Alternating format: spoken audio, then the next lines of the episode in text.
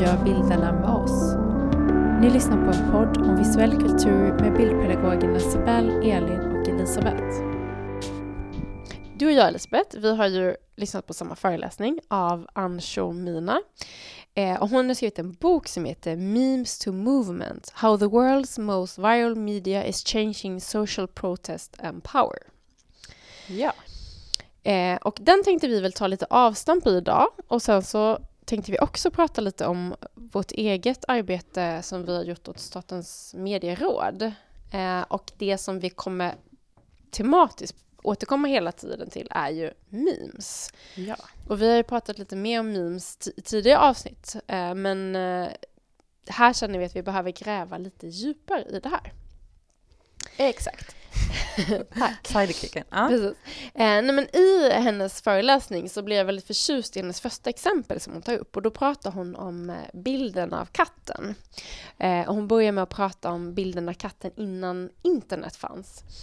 Eh, och katter kopplas ju oftast ihop med femininitet. Eh, om man var kattägare kunde man bland annat bli anklagad för att vara häxa och så vidare. Eh, och det finns ju mycket mytologiska berättelser om katten som innehar magiska egenskaper.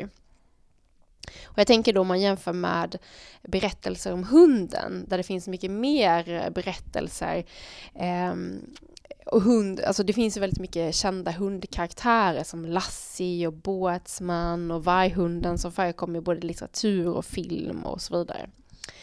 Eh, och hon pratar också om att hundar är mer offentliga på ett sätt, att man går på promenad i offentliga rummet med sin hund eller man går på en hundutställning, medan katter är mer privata. Man har inte med sig sin katt ut på stan, utan katter har man i hemmet. Att det är väldigt svårt att gissa om någon är kattägare eller inte. Eh, men med internet och teknologi så blev det möjligt att publicera det här privata. Eh, och katter började då få eh, ta en större plats kan man säga på internet. Eh, och hon beskriver då i föreläsningen bland annat att media at the margins moved closer to the center, revealing what was in so many ways there eh, to begin with. Så med internet fick vi en ny relation till katten kan man säga. Eh, och många memes, eller de första memesen också så att säga, var ju katter som spreds. Lolcats är ett väldigt så här, känt meme, så Grumpy Cat och så vidare. Ehm, och 2008 så kom en man vid namn Ethan Zuckerman med eh, en teori som han kallades för Cute Cat Theory. Där han pratade om varför digitala aktivister använder sociala medier istället för specialiserade plattformar när de sprider sin propaganda eller sina budskap. Och han menar då att aktivister använder sajter där folk delar katter just för att det är ett ställe där folk befinner sig. Men Anshomina pratar då om det här ur en kinesisk kontext, vilket jag tycker var väldigt intressant. Att hon vill inte göra den här skillnaden på aktivister och på människor som delar cute cats, utan hon pratar om att i Kina så är det de söta katterna som är aktivismen. Eh, för bilder är mycket svårare att censurera på många sätt. Man kan inte göra, göra algoritmer som söker eh, via sökord eller metadata och så vidare, så att man kan då baka in sina budskap i bilderna på ett annat sätt. Och censuren då med sina tentakler har inte lika lätt att komma åt de här budskapen. Och här tänker jag att vi kan också dra en parallell till förra, förra avsnittet eh, när vi pratade om censur, när vi också pratade om Greta Gris memes, eh, som blev en som har blivit en väldigt stor symbol för kinesisk rebellisk subkultur. Där mängder av memes med Greta Gris, som är en väldigt gullig karaktär, har spridits. Eh, men nu är Greta Gris då censurerad i vissa kinesiska appar. Och, och hon eh, tryckte ju också på just det här att eh, att de är censurerade visar ju också på hur makten eh, bekräftar att det här är ett kraftfullt medel för förändring. Precis. Alltså de här små bilderna är farliga. Ehm. Precis, och ett, för censur är ju ett sätt att kontrollera narrativet. Så när en stat vill gå in och då censurera så betyder ju det att de, det här, det här, de här memesen faktiskt är ett hot.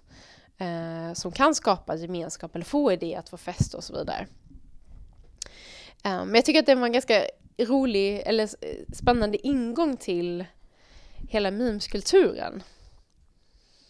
Och vi har ju pratat, jag kommer inte ihåg vilket avsnitt det var när vi pratade om, eller när vi faktiskt definierade eh, begreppet memes. Det finns ju ganska mycket definitioner som florerar omkring.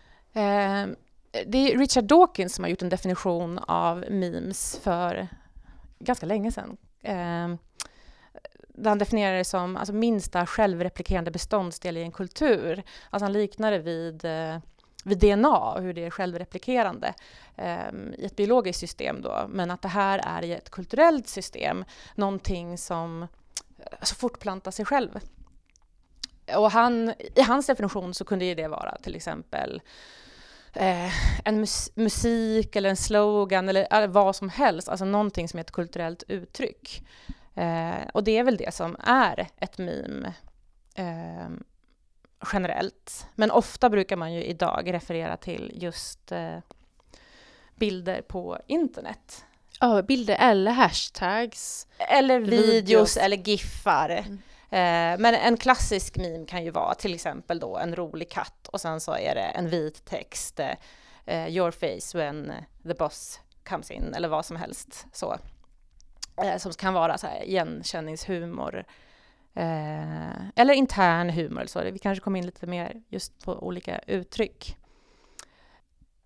Och vad Anshomina pratar om i sin föreläsning är just hur sociala rörelser använder sig av memes för att föra fram sina tankar, idéer och åsikter. Och hon pratar om transmedial hubs. Um, hur visioner presenteras genom hashtags, memes, bilder, giffar, videos och så vidare. Uh, i, i olika plattformar, hur man remixar dem, delar, de cirkulerar, transformeras och hur det på, då, på det sättet liksom sprider sina åsikter. Eh, och jag tycker just den här definitionen är verkligen värd att, att eh, eh trycka på. Alltså en självreplikerande beståndsdel i en kultur, alltså en idé, eller en åsikt eller en föreställning och hur man presenterar den i någon slags form så att den liksom kryper under huden och fastnar i din hjärna och påverkar ditt sätt att tänka. Alltså, det är ganska hisnande och ganska otäckt om man tänker på det sättet. Att man tänker att det klassiska sättet att liksom föra fram en åsikt eller liksom vinna sin poäng här, det är att jag kanske debatterar, att jag försöker övertala dig. Lyssna på mig nu, jag har en väldigt bra åsikt. Jag tycker du också ska tycka som jag. Och så försöker jag retoriskt liksom att vinna över dig. Och debattera, det betyder ju slå ner. Och det tycker jag också så här, det kanske inte är så konstruktivt liksom, att försöka slå ner den andra med sina ord för att vinna sin åsikt.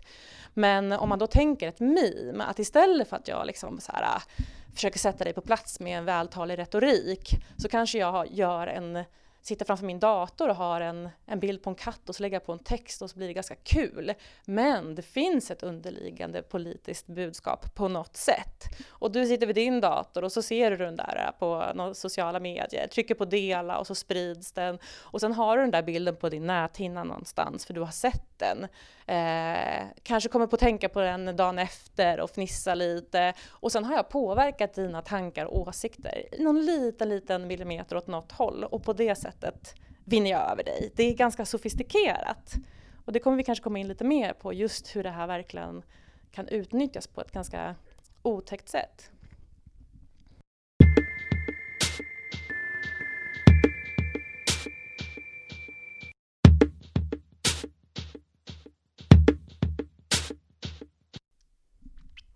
Hon hade även ett begrepp eh, som jag tyckte var intressant, affirmation superhighway. Och det är då en benämning för internet. Att internet pratar man ju alltid som, alltså det är ju det är information som finns på internet. Alltså det är en inf information superhighway har man tidigare pratat om. Men affirmation, alltså att det är, det är framför allt, det som framför allt händer på internet, det är att vi får våra politiska ståndpunkter bekräftade och vår identitet. Eh, generellt så letar man ju gärna upp sånt som man redan, alltså jag har mina åsikter och då vill jag ha det bekräftat att jag tänker rätt och jag är smart och jag, ja men hela den biten. Och att internet är liksom som, som det är dess, eh, vad heter det,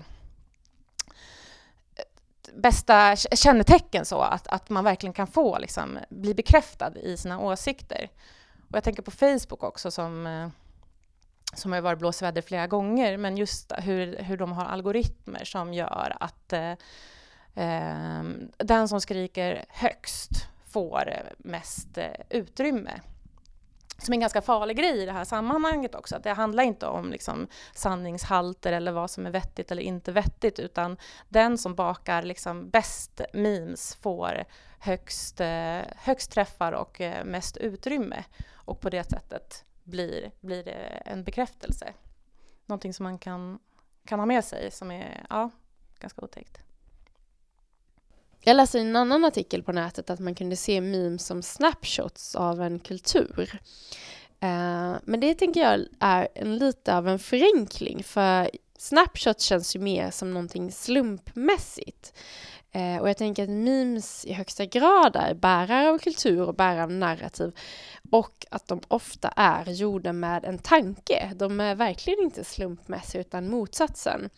Eh, och många memes pratar ju med större berättelser även om de paketeras i en eh, populärkulturell form.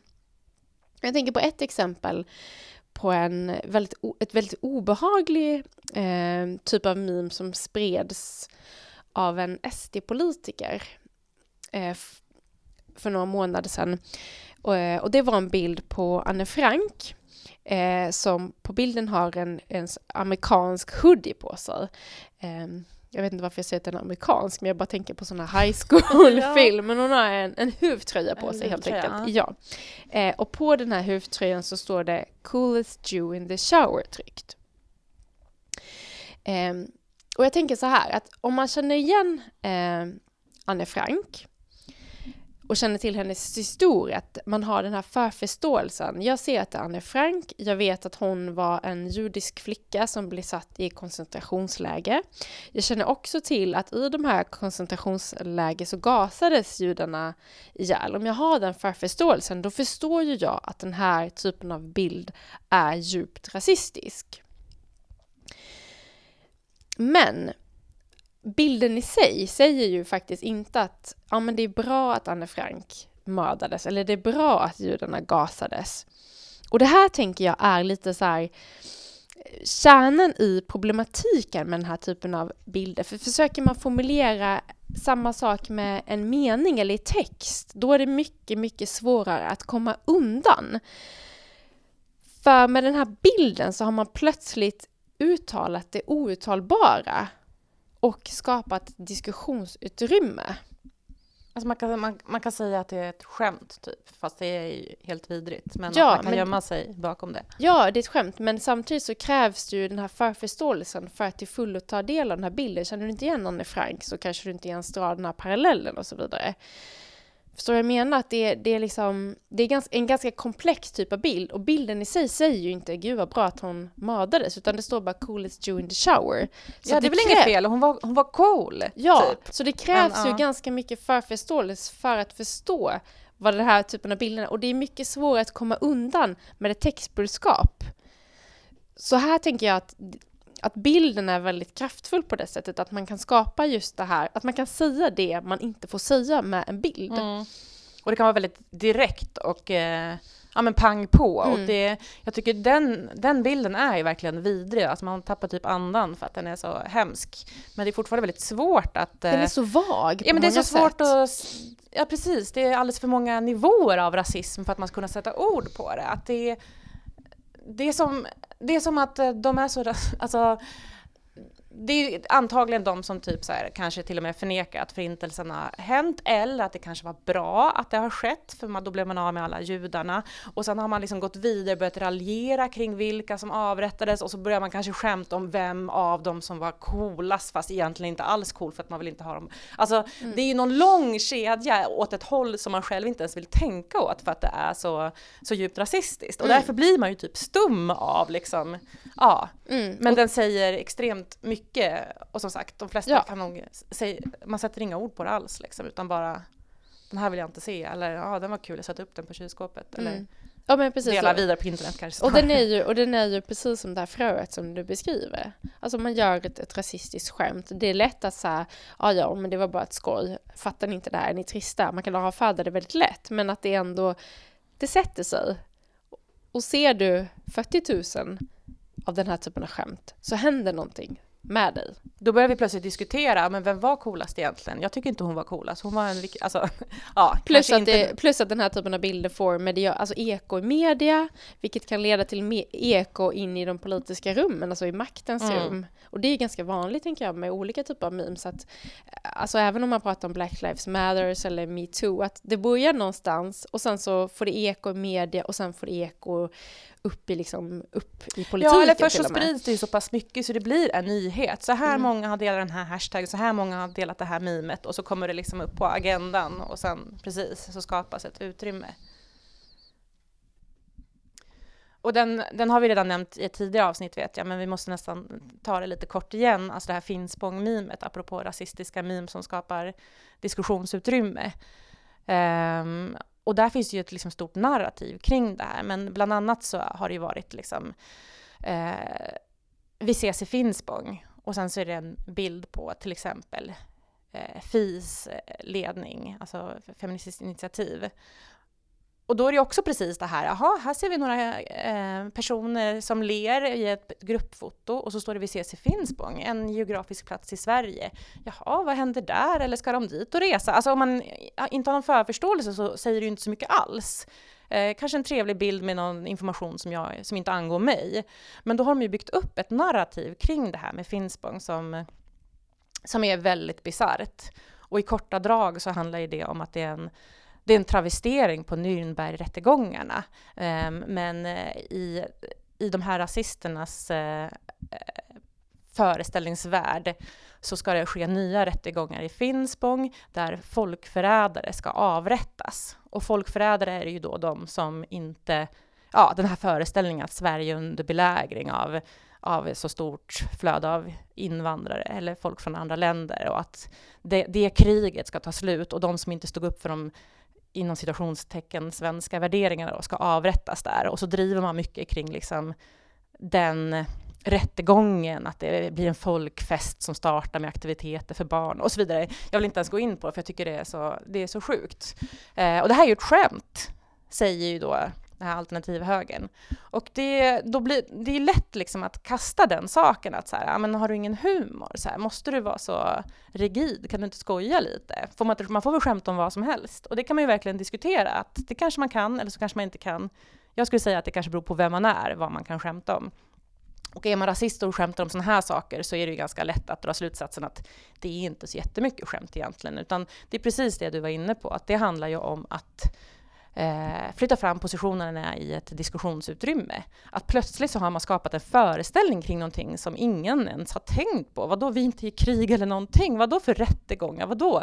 Eh, och plötsligt, ja, det finns ett narrativ. Och det här var ju också som sagt inom situationstecken skojiga bilder. Så det resulterade i att det var många som delade de här bilderna som inte alls var så ingrodda i de här rasistiska rörelserna och kanske ja, men tyckte att det var liksom ett lite lite mörk humor eller alltså, ja, det här med att inte vara lite rum, riktigt rumsren kan ju vara lite fräckt liksom och så delar man vidare.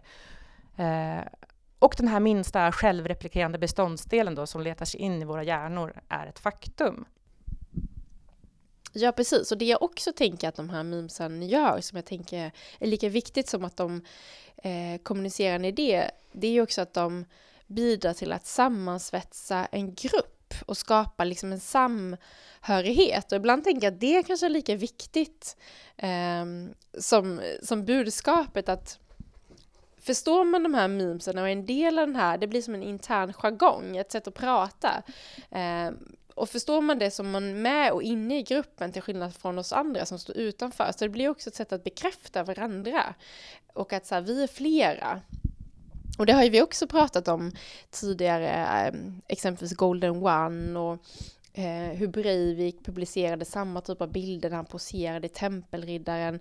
Jag tänker också på SDs Eh, Mattias Karlsson som nu eh, efter valet publicerade en lång artikel på Facebook där han skrev segra eller dö längst ner. Och så var det en bild på Karl XII, vilket Golden One också delat. Det är som en, som en del av den här hela föreställningsvärlden där man också bekräftar varandra och där det känns som att man är en del av en rörelse, vilket också kan få en ensam galning som Breivik eller Anton Lundin Pettersson i Trollhättan eh, att kanske ta det där sista steget, att man tror att man är en del av den här liksom, Man är inte kraften. ensam utan man är en del av en rörelse då liksom. Ja men precis. Och jag tänker samma, samma, på samma sätt fungerar ju egentligen uh, Peppa, the Pig, Peppa the Pig i en kinesisk kontext. Att det är också... Greta Gris alltså? Ja, mm. precis. Greta Gris. Att det är också ett sätt att sam, skapa samhörighet och det blir ju en kraft att sprida um, antikommunistiska idéer som också kan få en positiv effekt. Så att det kan ju verkligen uh, gå åt båda hållen där.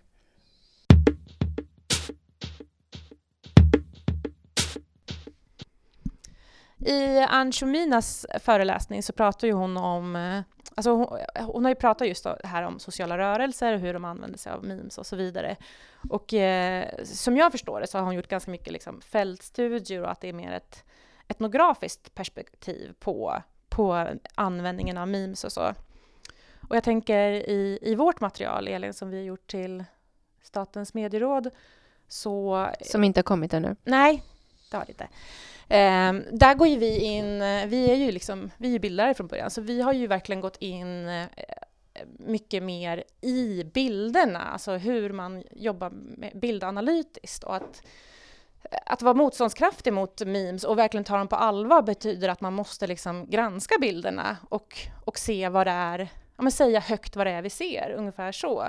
Det är väldigt lätt att säga, nu har vi varit inne på de här grova skämten, eh, memes som liksom, ja, till exempel kan användas i rasistiska syften. Men, det är, men även andra, att det är lätt att man liksom avfärdar, ja men det var en skojig bild liksom. Och det kan ju vara en skojig bild. Men just det här att bilder ofta liksom avfärdas, att det inte är liksom en, eh, en viktig text att eh, ta i beaktning. Det är ju det vi jobbar lite för, att även om det är en bild så kan man behöva liksom granska den. Eh, så vi tänkte dyka in lite i det nu, ja, hur, man, hur, hur man kan eh, granska bilder och hur bilder kan fungera i, i symbolisk betydelse och, och så vidare.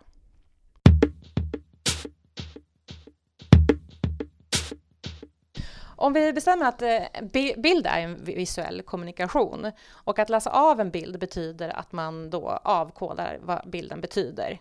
Och en enkel bild kan ju vara till exempel en, en förenklad stiliserad bild av en cykel och då känner jag igen verklighetens cykel som jag själv cyklar på och då läser jag av bilden till en cykel och förstår att den betyder cykel.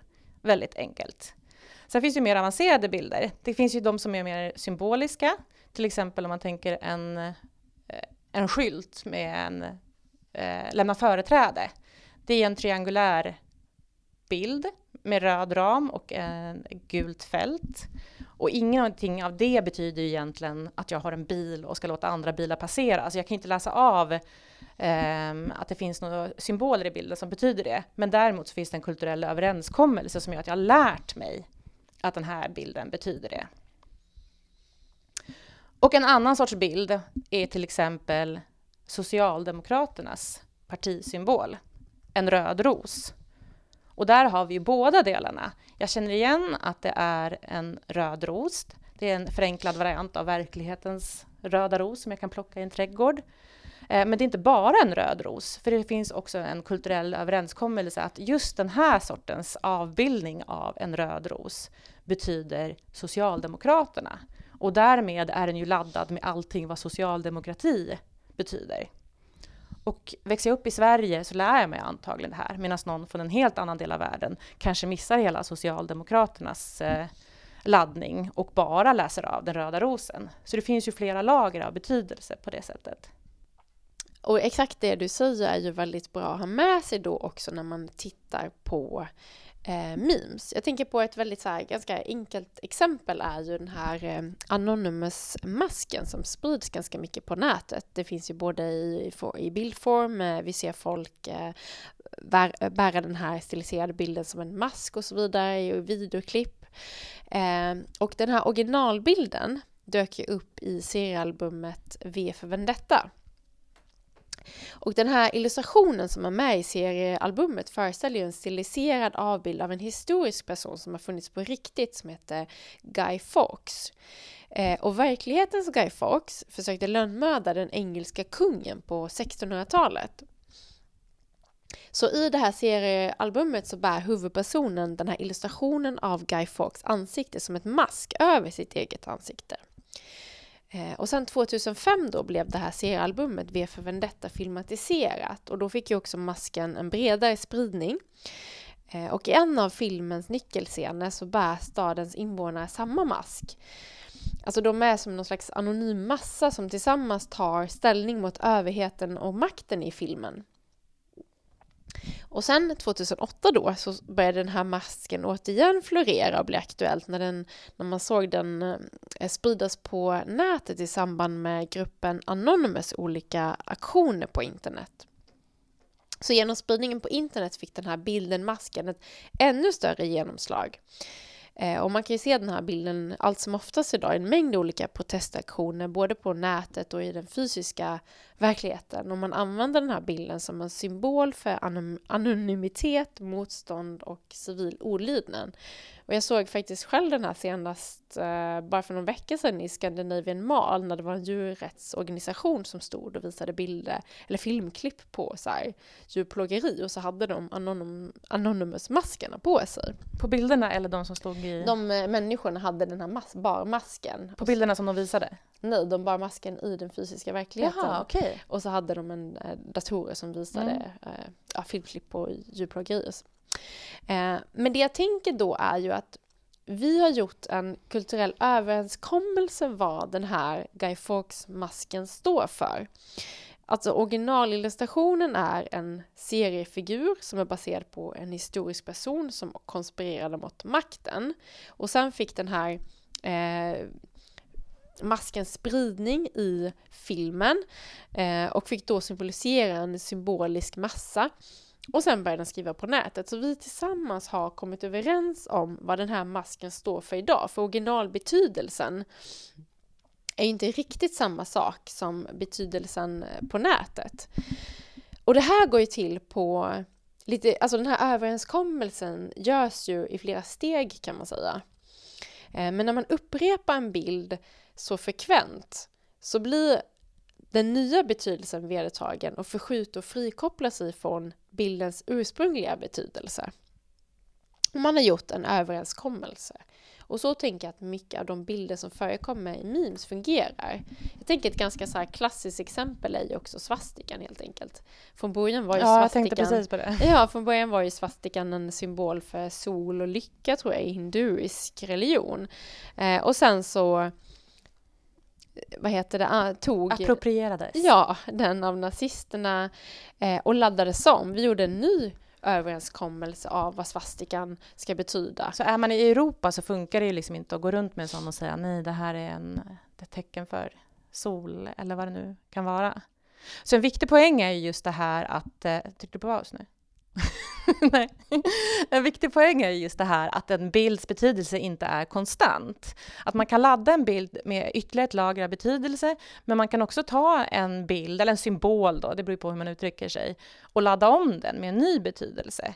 Eh, man kanske lyckas eller man kanske inte lyckas. Man kan ju säga att eh, nazisterna lyckades ganska bra, åtminstone i, i vår del av världen. Jag tror inte de lyckades lika bra om vi åker till Indonesien eller något annat land. Så. Då tror jag ursprungsbetydelsen är kvar. Så om vi ser Socialdemokraternas ros så, så är det ju det den betyder idag.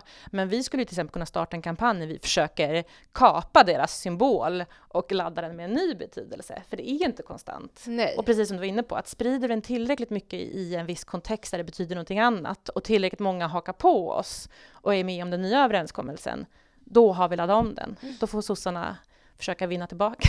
Ja, precis. Vad det nu ska vara. och, och jag tänker ett jätteklassiskt exempel är ju Pepper the Frog som från början var en seriefigur av Matt Fury.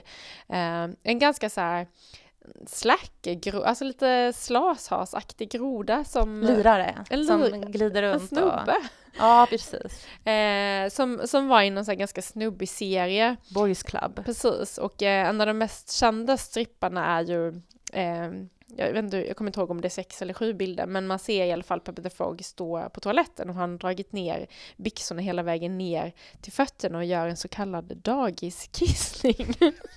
om du kan se det framför dig. Alltså inte på toaletten, han står typ i en pissoar eller något sånt där? Eh, Han står, han står och pinkar. Ja, jag tror att det är på toaletten, skitsamma. Men, men han har i alla fall dragit ner byxorna ända ner till fötterna, vilket man inte behöver såklart. Och då kommer det in en annan karaktär och frågar varför gör du så? Varav Peppe då svarar feels good man. Um, och bilden av Peppe med Phil Goodman började ju spridas på forumet 4chan och spreds faktiskt uh, ett par år där. Um, och sen så började också olika kändisar, Nicki Minaj, Katy Perry spred den här grodan och så fick den ännu större spridning. Och då var det ju fortfarande bara en liten så här Feels good man och sen kom Feels bad man. Det blev liksom Precis. travesteringar i, i den liksom Precis. varianten. 2015 dock så hände det ju någonting när alt-right-rörelsen tog Feels good man-grodan och började göra rasistiska eh, bilder av se- grodan, rasistiska och sexistiska bilder. Eh, och upprepade det här så många gånger så man försköt den här lite sköna, dudiga grodan till att betydelsen av Pepper the Frog eh, blev en rasistisk betydelse och att den klassades ju också som en hatsymbol. Till slut. Ja, eh, så så kan ju en bild laddas med symbolik, ideologi eller subkultur. Och det handlar ju om att just väldigt många människor repeterar, sprider vidare och till slut har man gjort en överenskommelse. Och när man har gjort en överenskommelse då kan man också remixa bilden hur många gånger som helst. Men ursprungsbetyd eller den fastlagda betydelsen ehm, Som kanske inte är den ursprungliga då, utan en ny betydelse. Precis, den är ändå konstant tills man gör en ny omförhandling om bildens betydelse. Sen vet inte jag om det ens går. Alltså, jag tänker att vissa bilder kör där.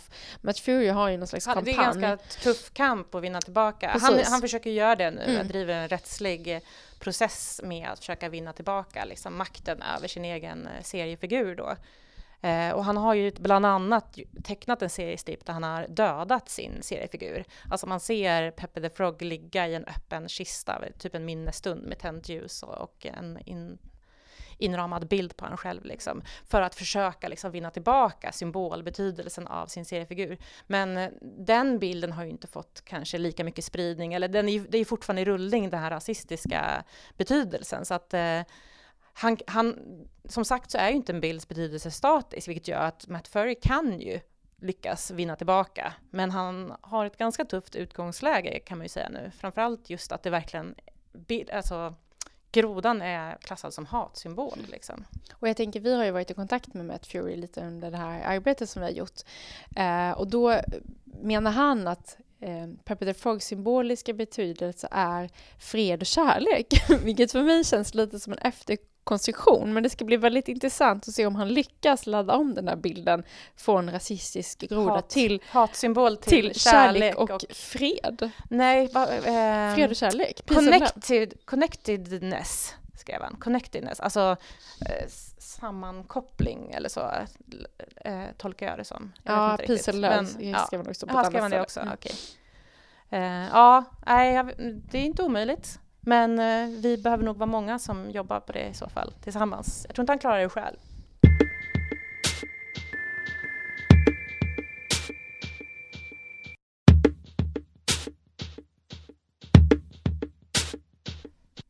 Eh, så, så en bild kan ju laddas med en symbolisk betydelse och en bild behöver inte, betydelsen behöver inte vara statisk utan den kan liksom omförhandlas.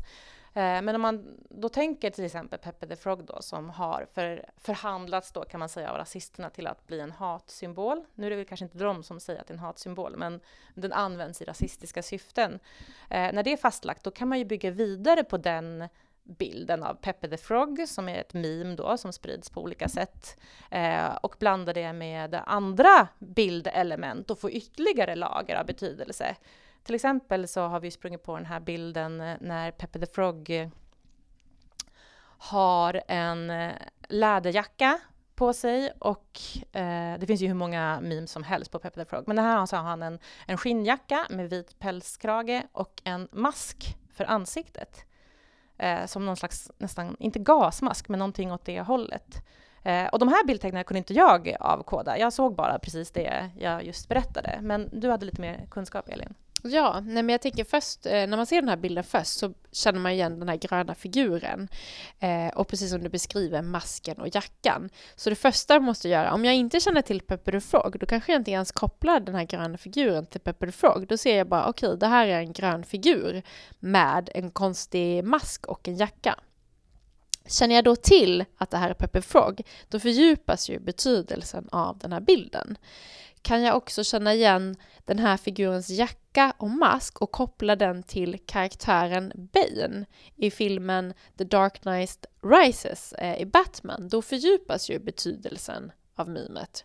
Och känner jag till att Pepe the Frog är klassad som en hatsymbol så fördjupas betydelsen av mimet. Och känner jag till, eller har sett då Batman-filmen och vet att Bane är en skurk som vill skapa kaos eh, och anarki, då fördjupas ju också betydelsen av mimet, för då bakas också narrativet in för filmen i den här betydelsen. Alltså Pepper the Frog är en hatsymbol som vill skapa kaos. Så så funkar det ju med bildtolkning. Och vissa som tittar den här bilden kanske inte förstår några lager alls, andra kanske förstår hälften av lagarna och så vidare. Ett annat exempel på Peppe the Frog-meme eh, med flera lager är ett, eh, det är en bild med en grön figur med ett blond fluffig frisyr. Och i bakgrunden så ser vi ett stängsel med två personer bakom och sen längst upp står det US Border. Och börjar man a, tolka den här då så, ja, vi förstår ju att det är amerikanska gränsen, men vi vet inte riktigt vilken gräns. Jag känner igen att det är Peppe the Frog. Eh, den här fluffiga frisyren eh, läser jag ihop med Donald Trumps eh, fluffiga blonda frisyr. Eh, Peppe the Frog håller även en liten pin där man kan se att det står någonting med Make Great Again och det är ju Donald Trumps slogan, Make America Great Again. Så man förstår att okej, okay, det är Trump. Och bakom det här stängslet så är det någon som är klädd med en så här bred hatt och en poncho. Och då förstår jag, aha, det är mexikanska gränsen. Eh, och Pepe the Frog råkar jag också veta är en hatsymbol. Eh, Donald Trump har gått till val med ett löfte om att bygga en mur mot eh, mexikanska gränsen. Så en tolkning då i de här lagren är ju just att, eh, ja, men att Donald Trump är en, eh, driver en rasistisk politik genom att han vill bygga den här eh, muren. Eh, Eh, så just det här eh, att man, har, att man laddar en bild med en gemensam överenskommelse genom att tillräckligt många delar bilden om och om igen eh, gör ju att vi sen också kan bygga vidare med ännu fler lager. Ofta så är det bildkoder som kommer från populärkulturella referenser eller kanske en känd person som i det här fallet, att jag kan läsa av den här blonda flufffrisyren till USAs president och på det sättet kan man liksom bygga upp ja, massor av lager av betydelse som kan göra liksom en, en bilds tolkning ganska sofistikerad. Och det är ett väldigt tacksamt sätt att göra ett bildbudskap på och också väldigt tacksamt att läsa av det. För att jag känner mig ju lite smart när jag liksom avkodar de här bildtecknen och kan göra en betydelse för att jag känner till massa olika referenser. Och den här delningskulturen då, där, där de här äh, betydelserna eh, befästs, det är ju liksom, det är ju ganska sofistikerat på det sättet. Det är inte riktigt samma sak som man tänker den här trafikskylten, att man, så här, eh, man går till en trafikskola och lär sig att det här betyder lämna företräde. Utan det sker liksom genom upprepning och gemensam överenskommelse.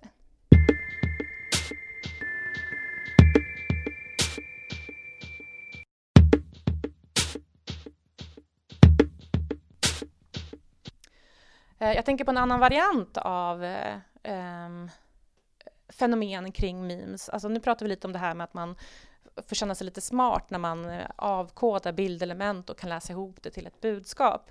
Och en annan form liksom av det här, ja, men lite inkludering, att jag känner att ja, men det här fattar jag. jag. Jag är med i det här. Eh, det är ju memes som bygger på narrativ. Alltså någon slags berättelse. Om man tänker så här, vanlig form av meme, det är ju att man kanske, ja men typ så här, en person som gör ett roligt ansiktsuttryck och så står det så här, My face when... The laziest coworker complains about working too hard. Exakt. Och eh, det här behöver man ju inte jättemycket för förståelse för att kanske tycka är kul, utan så här, the laziest coworker, ja, alla kanske har varit i någon form av jobb eller sammanhang där man har någon i närheten som man inte tycker jobbar så jättebra och som ändå klagar på att det är tungt. Ja men typ, någon, det är en igenkänning som är ganska allmän kanske. Eh, men sen finns det ju många, väldigt många memes som bygger på en eh, mycket mer förförståelse, alltså det är internhumor. Men internet är ju liksom så pass stort och brett så att internhumorn kan ju liksom sprida sig eh, ja, över stora mängder människor, men det är ändå liksom forum som gör att eh, väldigt många inte fattar. En, en variant är ju till exempel Moon Moon. Precis, som du berättade för mig som inte jag kände till. Eh, och Moon Moon är ett antal memes, bilder, bildmottag som sprids på vargar och så står det oftast eh, någon text, moon, moon, when, da, da, da, da, da någonting. Kom, nu bara för det, nu kommer inte jag på något jätte... det var jätte... typ såhär, oh, oh my god, moon moon is freaking out again. Precis, typ. precis. Och så bara moon moon, vadå, vad händer här? Vad är det för vargar som pratar om vad? Liksom? Ja, och jag förstod ingenting när jag såg de här moon moon memesen först. Men sen så berättade du lite mer om historien runt omkring och jag läste på lite mer. Eh, och det var ju en Tumblr-användare som använde en sån här namngenerator som lite då och då sprids på sociala medier. Och i den här namngeneratorn skulle man ta sitt förnamn och sitt efternamn och så skulle man då eh, få ett varulvsnamn varav den här användaren fick Moon Moon som sitt varulvsnamn. Och då skriver personen på Tumblr My name is freaking Moon Moon. I would be the most retarded wolf. Och då svarar en Tumblr-användare med en bild på en varg eh, med texten Moon Moon. Och Ganska så, rolig måste jag säga, ja. för det är liksom en varg som sprätter med benen, jag tror tungan hänger ut ur munnen och sen är det liksom massa text som är lite utspridd, det är typ så här yes yes oh my god wow woo, woo, woo, woo. och så förstår man liksom att det här är en varg som så här, typ, inte, typ inte riktigt hänger med. Så. Precis, så det här skapas ju en hel bildvärld med mängder av eh, vargbilder och tillsammans så skapar ju de här en berättelse som vilken annan typ av berättelse som helst egentligen. Eh, och Berättelserna beskriver då den här vargen, specifika egenskaper som vargen har, olika händelser den här vargen är med om, vargens kompisar, hur de reagerar på honom. Det blir ju som en, vilken historia som helst egentligen. Eh, så då, för de som känner till då, eller liksom, ja, möts av den här, de här olika memen, memesen och, och, får ta del av den här berättelsen, så då förstår man ju. Men, men om man inte vet vem Moon Moon är så blir det ju liksom ganska obegripligt. Eh, ja, man kanske klickar vidare och går in på någonting annat. Men, men just det här förförståelse som krävs gör ju också att de invigda får känna sig väldigt eh, ja, men man är initierad, alltså man har en tillhörighet. Det är vi som förstår det här, det är ett internt skämt. Alltså så bygger man ju ihop en grupp genom att man har interna skämt som bara vi förstår och så skrattar vi gott tillsammans. Och jag tänker att det finns en parallell i den sortens, eller ja men just att den sortens memes med förförståelse som, som skapar eh, gemenskap.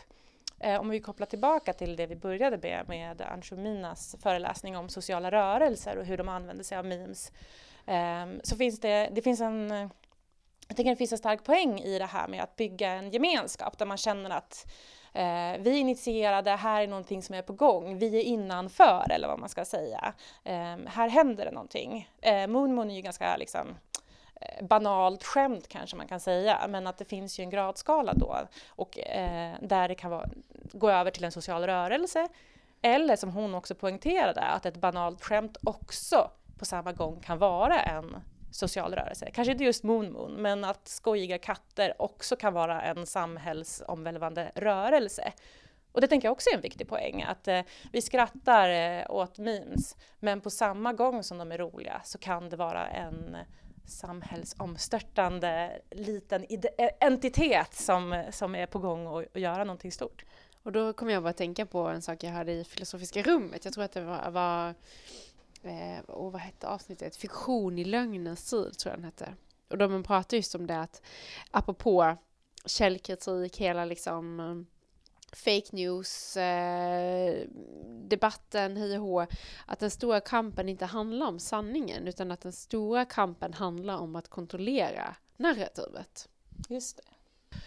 Eh, och nu när du sa det här om att kontrollera narrativet så måste jag ju komma in på, jag läste en forskningsrapport som heter Memes that kill, the future of information warfare.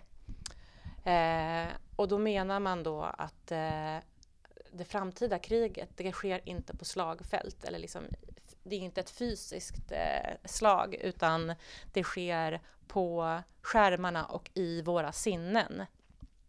Och då tänker jag återigen just det här, äh, memes är en självreplikerande beståndsdel i en kultur och att kriget kommer ske i våra sinnen via memes då. Och att, äh, ja, men att äh, memes that kill, att det har ett sånt sprängstoff. Och att det är en allvarlig fråga, det har militären tydligen jobbat med eh, redan ja, sedan 2005-2006 någonting.